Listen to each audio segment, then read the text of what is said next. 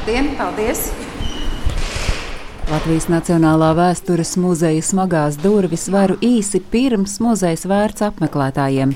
Mana nāciena mērķis ir satikt izstādes simts gadi līdz Latvijas krona veidotājus. Tie ir muzeja numismātikas nodaļas vadītāja Anna Ozoliņa un pētnieks Mārtiņš Vāveris. Vēl ir uh, visi stendi ar plēvēm apklāti. Gan drīz gatavs, tikai jānoņem tas no, jānotīra, jāuzliek planšetdatoru un tur priekšmetu un tur un viss. Nu, instrumentus gan es vēl redzu. Tā kā tos vēl vajadzēs. Instruments jūs līdz pēdējiem brīdim jau vēl te varēsiet redzēt, jo vienmēr jau ir vēl kaut kas pielabojams, pieveidojams tā, lai viss būtu perfektā kārtībā, bet nu, tiešām izstāde varētu teikt, ir šodien vakarā varēs teikt, ka ir gatava.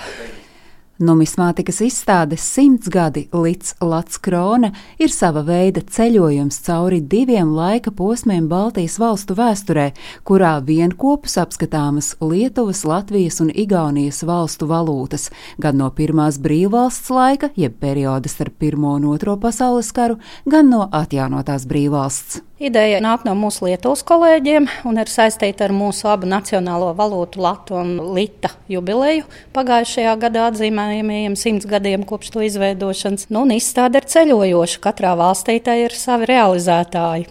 Pirmā šāda te trīs Baltijas valstu kopīga numismātikas izstāde, kas veltīta nacionālajām valūtām, bija pirms 30 gadiem. Tajā brīdī, kad mēs to otro posmu iesākām, tātad atjaunoto valūtu laiku. Un šis savukārt ir posms, kad nu, mēs jau divreiz esam savas nacionālās valūtas lietojuši un divreiz arī no tām atteikušies. Pirmo reizi piespiedu kārtā, otro reizi par labu eiro. Un izstāde ir veidota stāstot par abiem šiem posmiem, uzdodot vienādus jautājumus abos laika posmos. Tātad runājot gan par to, kas bija pirms šīm nacionālajām valūtām, gan par to, kādu apstākļu ietekmētas tās veidojās, Ko mēs uz tām vēlējāmies attēlot, lai kaut ko vairāk vēstītu par savu jauno neatkarīgo valsti vai neatkarību atgūšo valsti, kā mēs tehniski nokļuvām līdz tam, lai varētu šīs naudas zīmes iespiest un monētas kalt, kādi mākslinieki ir devuši savu ieguldījumu.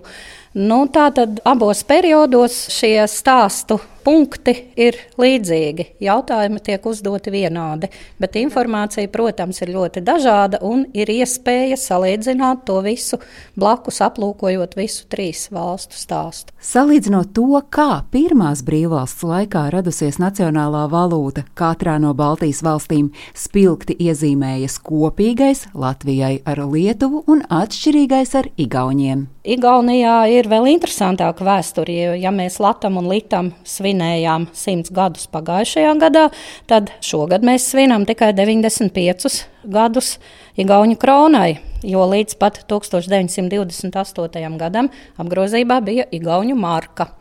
Nu, Tātad viņiem šis pārējais posms uz nacionālo valūtu kronu bija vēl ilgāks nekā abām mūsu valstīm, Lietuvai un Latvijai. Kā negribētos te par to igauņu lēnīgumu neko teikt. Viņi vienkārši droši vien pārdomātāk un uh, mazliet ar citu pieeju to veidoja. Nu, jāsaka, ejot cauri izstādē, mēs bieži vien redzam, ka viņi dara lietas ar citu pieeju, bet nu, tas saistīts arī ar viņu nevisai uh, veiksmīgajiem tādiem nu, ekonomiskajiem apstākļiem tajā laikā un zināmām grūtībām, nu, kur nācās pat ņemt starptautiskus aizņēmumus un iesaistīties starptautiskām institūcijām institūcijām, lai šo pārēju varētu veiksmīgi veikt.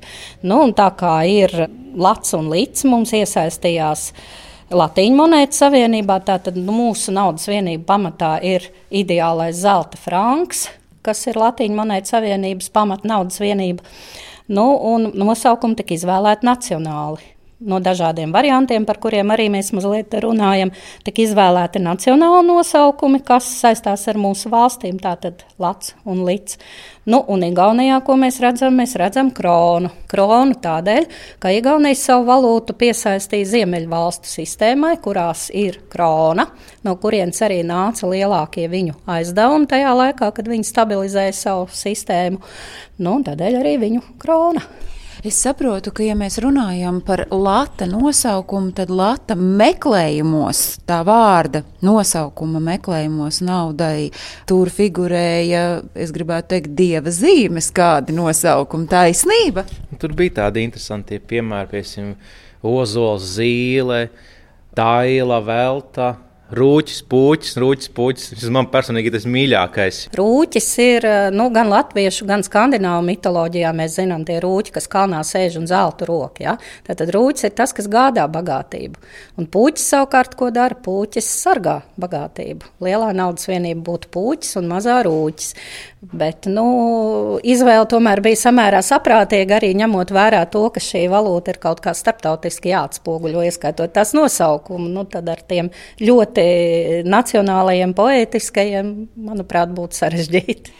Izstāde ir pārsteidzoša, jo stāsts par naudu izrādās var būt emocionāls, baudāms un atklājumu pilns. Tā vēsture, nu, teiksim tā par Latviju, tas ir. Uh, tikko noslēdzies posms. Tas ir desmit gadi mūsu eiro, tūlīt tās būs. Jā. Principā mums visiem vēl ļoti svaigā atmiņā ir tas mūsu laiku lācis. Tieši, tieši tā, jā, un līdz ar to tas arī man personīgi bija viens no tiem uh, momentiem, ko izcelt, ka skaidrs, ka mums ir bijis starpkara periods, es, protams, mums ir bijis arī uh, atjaunotā lata periods. Bet uh, tieši tā mūsu atmiņā, cilvēka sabiedrības atmiņā, vairāk paliek mūsu atjaunotais lats. Tas ir ļoti saprotams, kāpēc. Bet, nu, paskatoties arī uz starpkara periodu Latviju, nu, tur ir, uh, esam atraduši arī dažas citas sīkas detaļas, kas nu, it kā nav bijušas zināmas pirms tam, bet lielo bildi nemaina. Bet uh, mazajās detaļās ir tā visa tā garša, tas, tas smeķis iekšā, un, un, un kā Anna to varētu arī labi apliecināt, es esmu ļoti tendēts uz detaļām, dažkārt pat nebūtiskām, bet tās man ir būtiskas. Man liekas, tas stāsts tiešām iegūst to, nu, to jaudu uzreiz, ka mazajās detaļās kaut ko mēs jaunu atrodam un ieliekam. No Lietuvas atceļojusī izstāde te Latvijā papildināta ar numismātikas pētnieka Mārtiņa Vāvera minētajām detaļām, un viena no tām ir unikāla un Latvijā nebijusi vēstures liecība. It kā detaļa, to mēs varam teikt, ja, saistās ar 39. gadu, kad bija plānots, tika uzsākt darbi jauna sudraba pietlatnieka veidošanai. To neizlaiž, tāpēc, ka uznāk otrais pasaules karš Latvijai virsū. Un šis projekts paliek Karaliskās kaltuvas arhīvā. Un mēs uz Latviju vakar atvedām, nu, mēs, bet Karaliskā kaltuva atvedā šī pieslatnieka divus palielus ģipša modeļa kopijas, tas ir procesā, kā lai iegūtu spiedni, divas metāla kopijas palielas un arī divi spiedņi, kas ir viens no četriem veidiem, kā tiek veidot spiedņi, kā arī 32. gada pieslatnieka jostas gravējamo detaļu, kur rakstīts Dievs svētī Latviju. Un tad šie pieci priekšmeti būs pirmo reizi Latvijā. Un, un kā mēs vakar nodaļā runājām, ka Kristīna Dutsmana numismāte teica, ka Ulmans brauc mājās ar to domu, ka nu,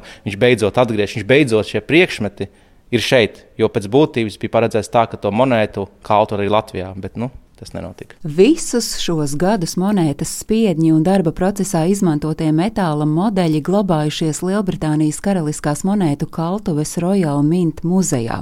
Man ir ekskluzīva iespēja būt aculieciniecei kā nerealizētais pieclatnieka modelis un spiednis, ar kuru sudraba piecu latu monētu jostā tika iespiests moto Latvijas himnas pirmā rinda Dievs svētī Latviju ar Latvijas Nacionālā vēstures muzeja numismātikas nodaļas pēc pētnieka Mārtiņa Vāvera un muzeja galvenā mākslinieka Girta Boranovska gādību, asistējot Lielbritānijas karaliskās monētu kaltuves pārstāvei, seifam līdzīgā koferī aizceļo uz izstāžu zāli.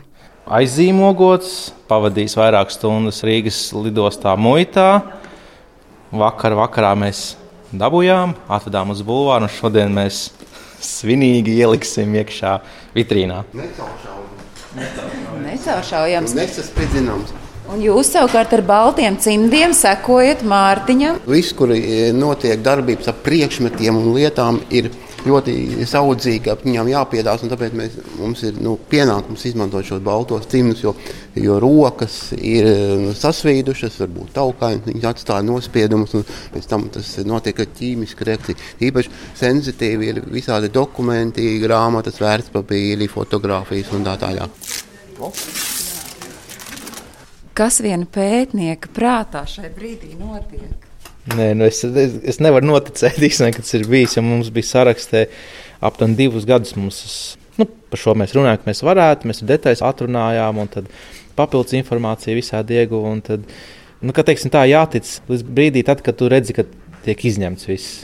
Un uz monētas ir ulmaņa portrets, un otrā pusē ir uzraksts pieci lati un ģērbons. Jā, un 1941. gads, kas uh, vēl ir īpašāk, jo 41. gadā tāda Latvijas republika neeksistē faktiski, kas ir vēl īpašāks mirklis. Un es gribētu teikt, unikāls priekšmets. Absolūti, šis ir absolūti, absolūti unikāls priekšmets un, un, un mirklis, un, manuprāt, ne tikai mums, kā muzeja cilvēkiem, bet man liekas, arī sabiedrībai. Jo, nu, zinot to, ka Kārlis Ulmans nu, ir sabiedrībā ļoti nu, cienīts un, un ļoti zināms cilvēks, politiķis, nu, tad es domāju, es domāju, ka cilvēki nāks un skatīsies un, un noteikti baudīs. Tad es eju uz kreiso pusi, uz labo pusi. Lūk. Ir. Jā. Nē, nu forši. Mhm. Nu, ļoti forši. Stikla kupols ir uzlikts un dārgumi ir drošībā. Jā. Numismātikas izstāde simts gadi līdz Latvijas krona būs aplūkojama no 4. marta līdz 28. maijam, un es no sirds iesaku izstādi aplūkot gida pavadībā.